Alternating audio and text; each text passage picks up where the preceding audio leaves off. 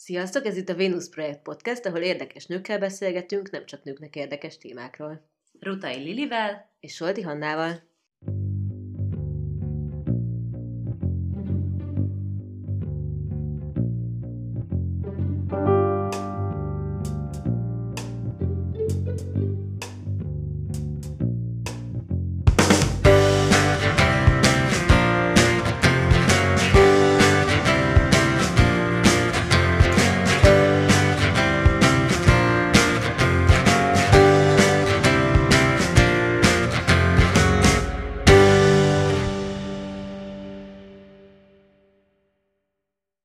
Tudtad, hogy a számítógép hőskorában eleinte a nők uralták a pályát a programozás és az informatika területén? Ebben az epizódban Brian Ranitával, a Logic School programozóiskola alapítójával beszélgettünk. Szóval te vagy a Logic School programozó iskola alapítója. Esetleg össze tudnád pár mondatban foglalni, hogy mi a profilotok azoknak, akik most hallanak erről először? Nagyon szívesen erről bármennyit hat éves ez a programozó iskola, nagyon egyszerű, gyerekeket tanítunk programozni, 6 és 18 év között bárki bármikor elkezdheti, szívesen látjuk. Van egy speciális oktatási módszerünk, egy saját fejlesztésű platformunk, amivel könnyen játszva tanulhatnak meg a gyerekek programozni. Azért is mondjuk, hogy élmény alapú programozó iskola, mert Egyébként nagyon sokan használják ma már azt, hogy élmény alapú, de higgyétek el, 2014-ben ez még azért nem volt annyira köztájon forgó fogalom, de valóban a Logischool élmény azért, azért nagyon-nagyon fontos része az oktatásunknak.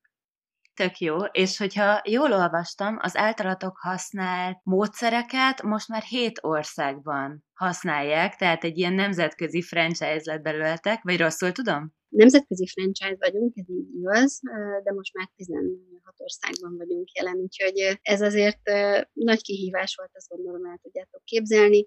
Magyarországról általában franchise rendszereket ritkán visznek külföldre. Tehát az, hogy mi gyerekeket oktatunk, ez azért nagyon sokat számít, nagyon nyitottak világszerte a szülők erre, és természetesen az, amit oktatunk, a programozás, az egy olyan unikum, ami azért nagyon ritkán, amivel ritkán találkoztak eddig. Ha már itt vagyunk a Magyarország külföld résznél, szerinted van különbség a magyarok hozzáállása és a külföldiek hozzáállása között?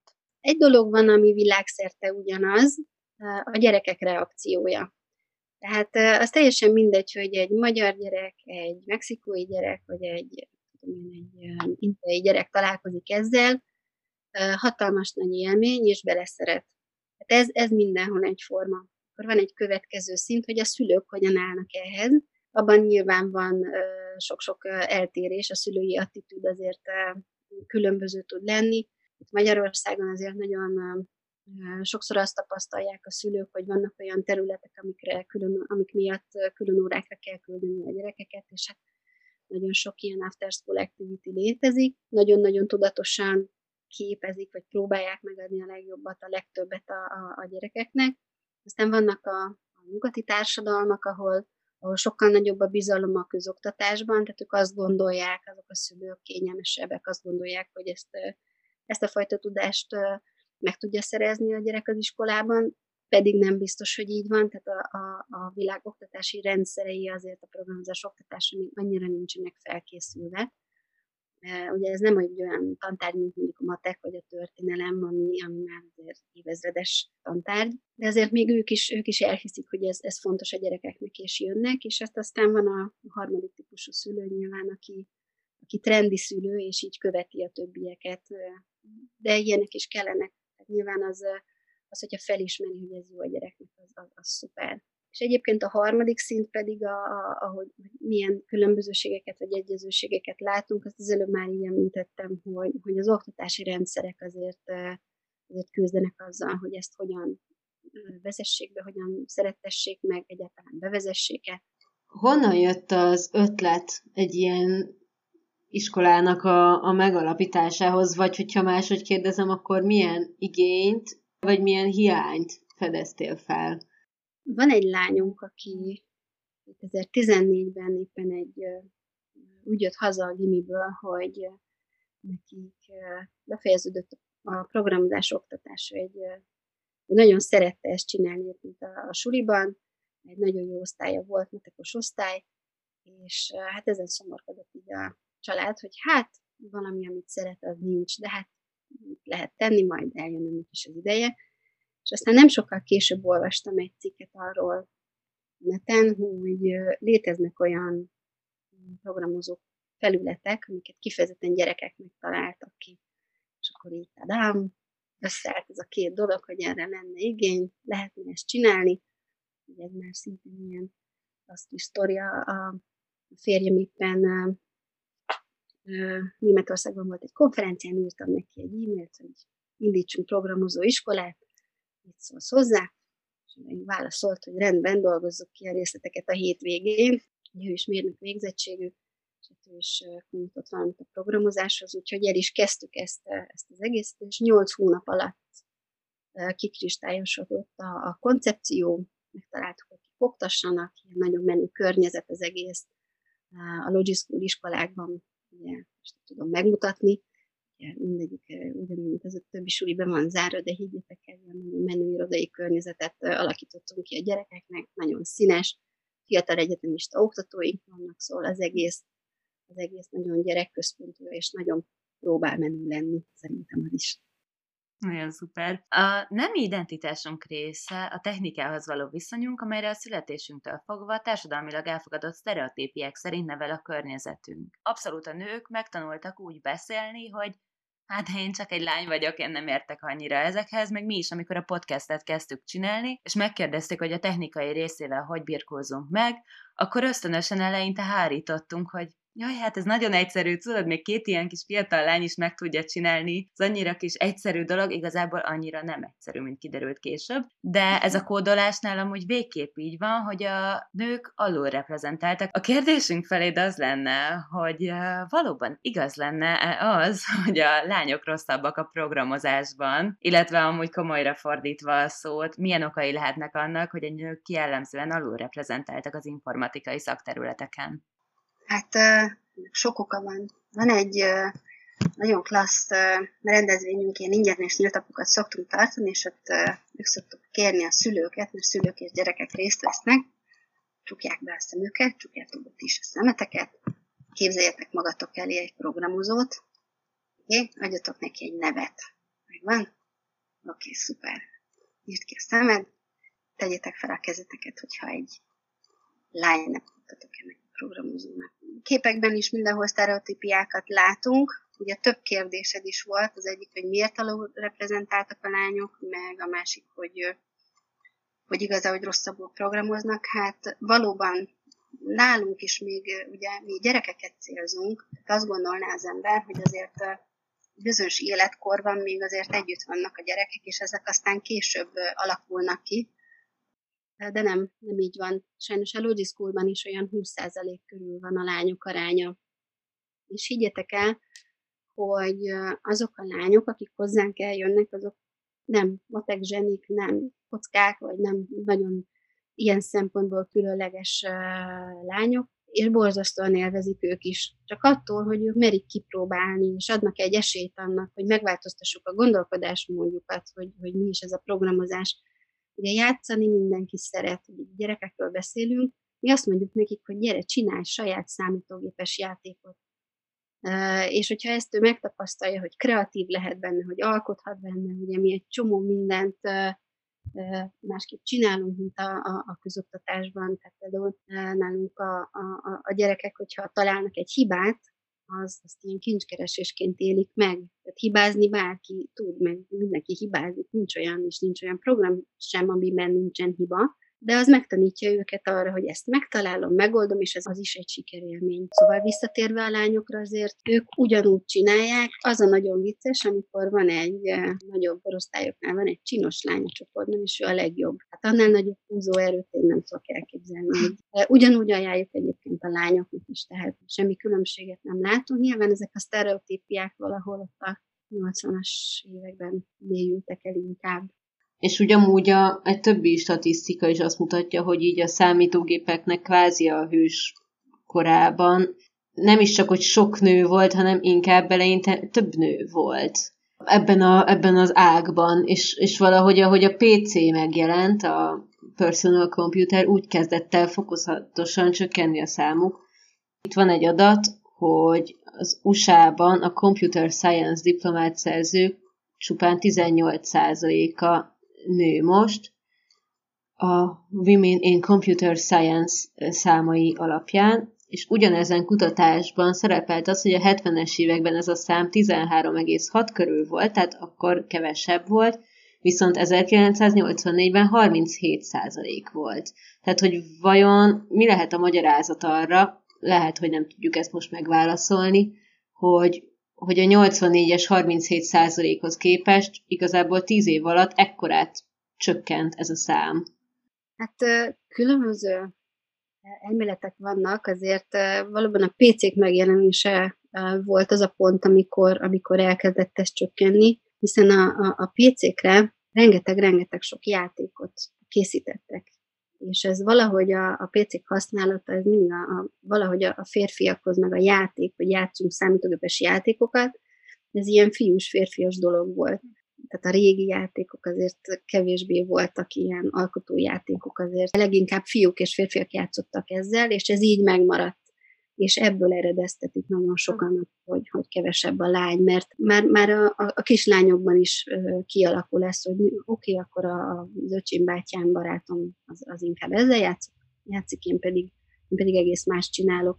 De semmiféle kutatás nem bizonyítja azt, hogy a, a fiúk, lányok bármilyen skillsetje különbözne, pláne ilyen kiskorban nyugodtan jöhetnek a lányok is. Valószínűleg a ti fejetekben is azért az van, hogy a programozás ez egy ilyen sötét képernyő, és tele olyan karakterekkel, meg, meg jelekkel, amik nehezen értelmezhetők, és csak angol szöveggel.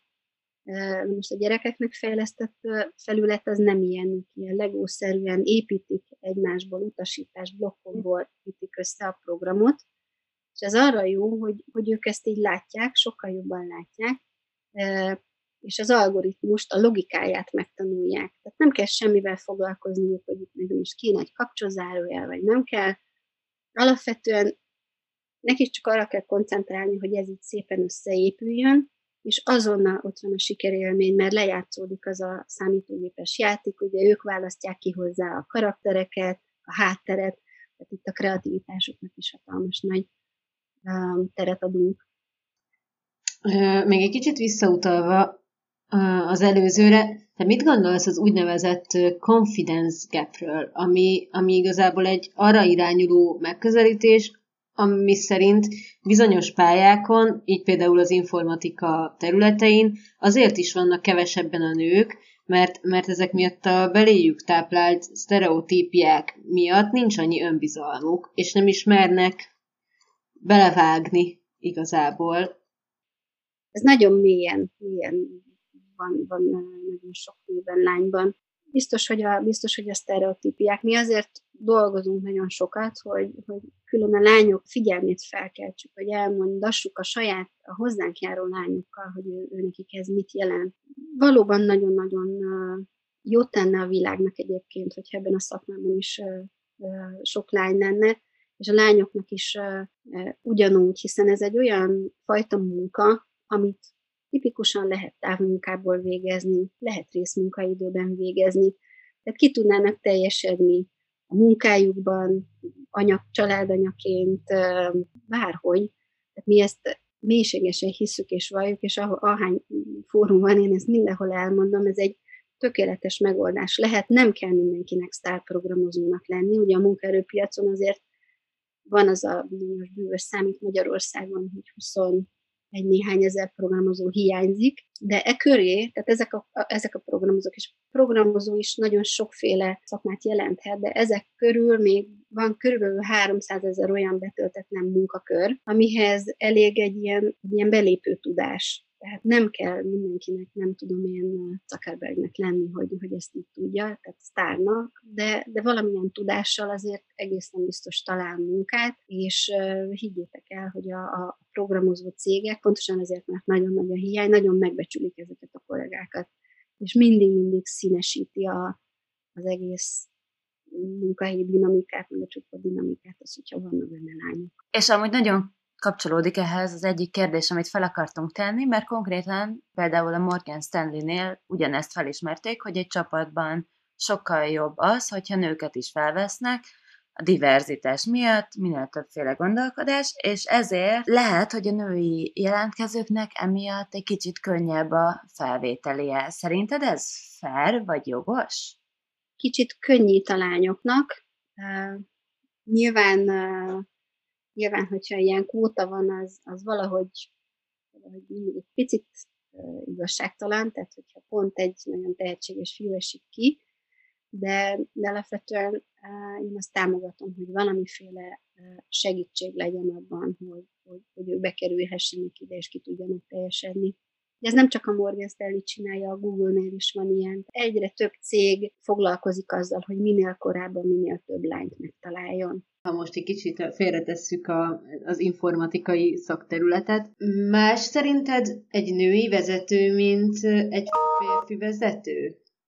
valamint hogy, hogy vannak-e olyan ilyen tipikusan mondjuk nőinek mondott skillek, amik, amik jó vezetővé tehetnek valakit, és ami miatt akár a cégek több nőt akarhatnak a csapataikba. Biztos, hogy vannak különbségek vezetők közt. Feltétlenül abból adódnak a különbségek, hogy férfi vagy nő. Én azt gondolom, hogy női vezetőnek, hogyha belegondolunk, nagyon-nagyon nagy előnye lehet a, a multitasking. Az, hogy egyszerre nagyon-nagyon sok mindennel uh, tud foglalkozni, uh, ugye ez így, uh, pláne, hogyha családja van, akkor, akkor nagyon-nagyon sok rétege van az ő életének, és ez a munkájában is meg tud, meg tud nyilvánulni. És az empátia még, amit így említenék, de vannak olyan vezető kollégáim, akik nagyobb empátiával rendelkeznek, mint egyéb más kollégáim, akik nők. Szóval mindig személyfüggő, és neked a karriered során, és itt elsősorban nyilván a School-ra kérdezünk rá, volt-e olyan tapasztalatod, hogy a nemed miatt úgy érezted, hogy kevésbé vesznek komolyan, vagy úgy érezted, hogy kevésbé jól viszonyulnak hozzád, mert ugye a programozás tényleg egy férfias szakma, és te pedig nagyon nagy dolgokat csináltál ebben. Ó, nem, nem, egyáltalán nem találkoztam semmi ilyesmivel, és egyébként én nem egy programozó iskolát vezetek, de nem egyedül, és ez egy oktató cég. Tehát nem egy fejlesztő cég vagyunk, fejlesztünk is rengeteget, de ugye oktatásban, tehát az a, az education az az iparág, ahol mi, ahol mi jelen vagyunk. Ott egészen teljesen mindegy, hogy férfi vagy nő. Kollégáimról pedig csak a legjobbat tudom elmondani, teljesen mindegy, hogy az a feladatot kitől kapják, ugyanúgy tökéletesen elvégzik. Térjünk át egy másik iszonyatosan fontos témára szerintem, ami nagyon-nagyon aktuális is, a távoktatás. Hogy ezt ti hogyan oldjátok meg a Logic School-nál? Ugye minket is elérte az összes iskola bezárás. Az első nem is Magyarországon történt, hanem egy külföldi partnerünknél, Romániában. Szóval nekünk nagyon könnyű volt így a, a, a központ munkáját áttenni egyik napról a home office-ba, megcsináltuk, és utána rákészültünk arra, hogy a gyerekeket elkezdjük online oktatni. És ez nem csak annyit jelent, hogy akkor most csinálunk egy online meetinget, és akkor az oktatók ezt így elmondják, hiszen az, ezt kevésnek éreztük, úgyhogy tíz nap alatt fejlesztettünk egy csodálatos rendszert, ahova fel tudtunk tölteni saját oktató videókat. Több mint 1200 oktató videót elkészítettek a legoktatóink, így a teljes hálózaton belül. Úgyhogy a gyerekeknek biztosítunk olyan tananyagot, amit, amit ők otthonról is elérnek, effektíve a tananyagot, illetőleg utána van online konzultációjuk, vagy online órájuk. Ugye és ez a kettő nagyon jól tud együttműködni. Tehát azt nem szerettük volna, hogy csak oktató videókkal tanuljanak, az se, hogy ne legyen semmi, ami, ami, ami mondjuk később emlékeztetni őket, vagy tudnának gyakorolni, hogy ez a kettő nagyon-nagyon jól működik nálunk, és ennek az a kulcsa, hogy vannak oktató videóink. Ugye most itt uh, itthon is azt látjuk, hogy azért a 13 éves fiunk, neki azért nem minden tanár tart órát, nem minden órát élvez, amit megtartanak, mert hogy ez pont olyan, de minden tiszteletem a pedagógusoké, akik, akik most erre így ráálltak. A nagy különbség, hogy, hogy a mi oktatóink fiatal egyetemisták, tehát hogy ez nem, nem egy nyilván külön tréning kellett, hogy mire figyeljenek, hogyan figyeljenek, hiszen most az oktatók is az otthonokban léteznek, a szülők is hallgathatják, vagy hallják ezeket az órákat. Azt a tíz napot, vagy két hetet azért nem kívánom senkinek, amit itt végig dolgoztunk, amíg át tudtunk állni. Szóval a kollégáink elképesztő energiát toltak ebbe. Volt ennek ellenére valami, ami a legnagyobb kihívásnak mondanál, a távoktatás legnagyobb kihívásának, és akár nem is feltétlenül, amit mondjuk te megtapasztaltál a bőrödön, hanem mondjuk, ami általánosságban a távoktatás legnagyobb kihívása lehet. Szerintem az érdeklődés fenntartása az az, ami, az, az, ami nagyon fontos és, és nagy kihívás, mert, mert az elején azért mindenki érdeklődik, nagyon odafigyel. Személyesen, hogyha ha jönnek a gyerekek, meg ott vannak, meg találkoznak, meg, meg valóban a csoportok bandáznak, akkor ez egészen más, úgyhogy mi erre, erre fektetünk nagy hangsúlyt, és nem csak, nem csak online óráink vannak most a gyerekeknek, nem van egy oktatási gyerekportálunk, a My School, ahol mindenféle érdekes tartalmakat teszünk fel, kvízeket, versenyeket, ezt egy nyereményjátékunk, tehát hogy próbáljuk ezt az egészet így egyben tartani egy kerek egészben, hogy, hogy ez az érdeklődés megmaradjon, de úgy tűnik, hogy, hogy ezzel nincs semmi gond. Amúgy bennem felmerül az, hogy nálatok ez tényleg jól működőnek tűnik. Voltak olyan szervezetek, iskolák, tanárok, diákok, szülők, akárki, akik segítséget kértek tőletek, vagy támogatást, ötletet? Hogyne, hogyne. Rögtön ugye, amikor mi is szünetet tartottunk az iskoláinkban, azért az első az volt, hogy az iskolavezetőink ugye tájékoztatták a szülőket, de utána azért megkeresték a, a környékbeli iskolákat is, ugyanis a logiszkulokban rengeteg laptop van, ugye, amit, amivel tanítunk, és ezt felajánlottuk a saját diákjainknak is, illetve az iskoláknak, hogyha ha, ha valakinek szüksége van erre, akkor, akkor kölcsönöztetett tőlünk, és ezeket így, ezekkel éltek is, hát hiszen képzeljétek el, hogyha van egy, nem tudom, két-három gyerekes család, nincs annyi laptop otthon, és mindenkinek egyszerre van mondjuk órája. Szóval ezt, ezt így megtettük. Készítettünk egy egy netikettet, ami egyébként nem csak a Logischool órákon való részvételt, hanem bármilyen eh, online együttlét során nagyon fontos eh, ilyen kis szabályokat, meg tanácsokat, meg hát ilyen kis illemtant tartalmaz, azt elérhetővé tettük bár, tehát azt nem csak a saját gyerekeink látják, hanem bárkinek hasznos, tehát a iskoláknak, tanároknak, pedagógusoknak és szülőknek is. Van egy anyagunk a biztonságos internetezésről. Ezek én azt gondolom pont, hogy, hogy, hogy most minden így online van, ezek nagyon fontos olyan információk, jó tanácsok, tippek, trükkök, amiket, amiket így lehet használni. Lili egyébként írt egy egy hosszú riportot erről, ami, ami ma jelent meg, ma péntek van egyébként, és ez majd kedden fog adásba kerülni, és, és az pont, pont nagyon vág ebbe a témába, ugyanis ott azokról az országos szintű kihívásokról ö, hm jelent ő, amik, amik számunkra láthatatlan és elképzelhetetlen problémák, de nem csak, hogy megnehezítik, hanem van, akinek egyenesen lehetetlenné teszik, hogy a távoktatásban részt vegyen, ilyen például, hogy még mindig sokan nem férnek hozzá internet kapcsolathoz. Vagy amit te mondtál, hogy, hogy nincsen laptop, vagy nincs elég laptop. Mi is olvastunk azért ilyen, ugye rendszeresen nézzük a tanári fórumokat, pedagógus fórumokat, kapcsolatban is állunk nagyon sok tanára, nem tudom én például a tanyavilágban, amikor a kinyomtatott feladatlapokat kocsival hordja szét a tanár, az azért sokkal nagyobb munka, meg nyilván hatalmas nagy elismerés, hogy ezt megteszik, különben így elengedheti a gyerekeket. Az egész országból jönnek hozzánk ilyen visszajelzések.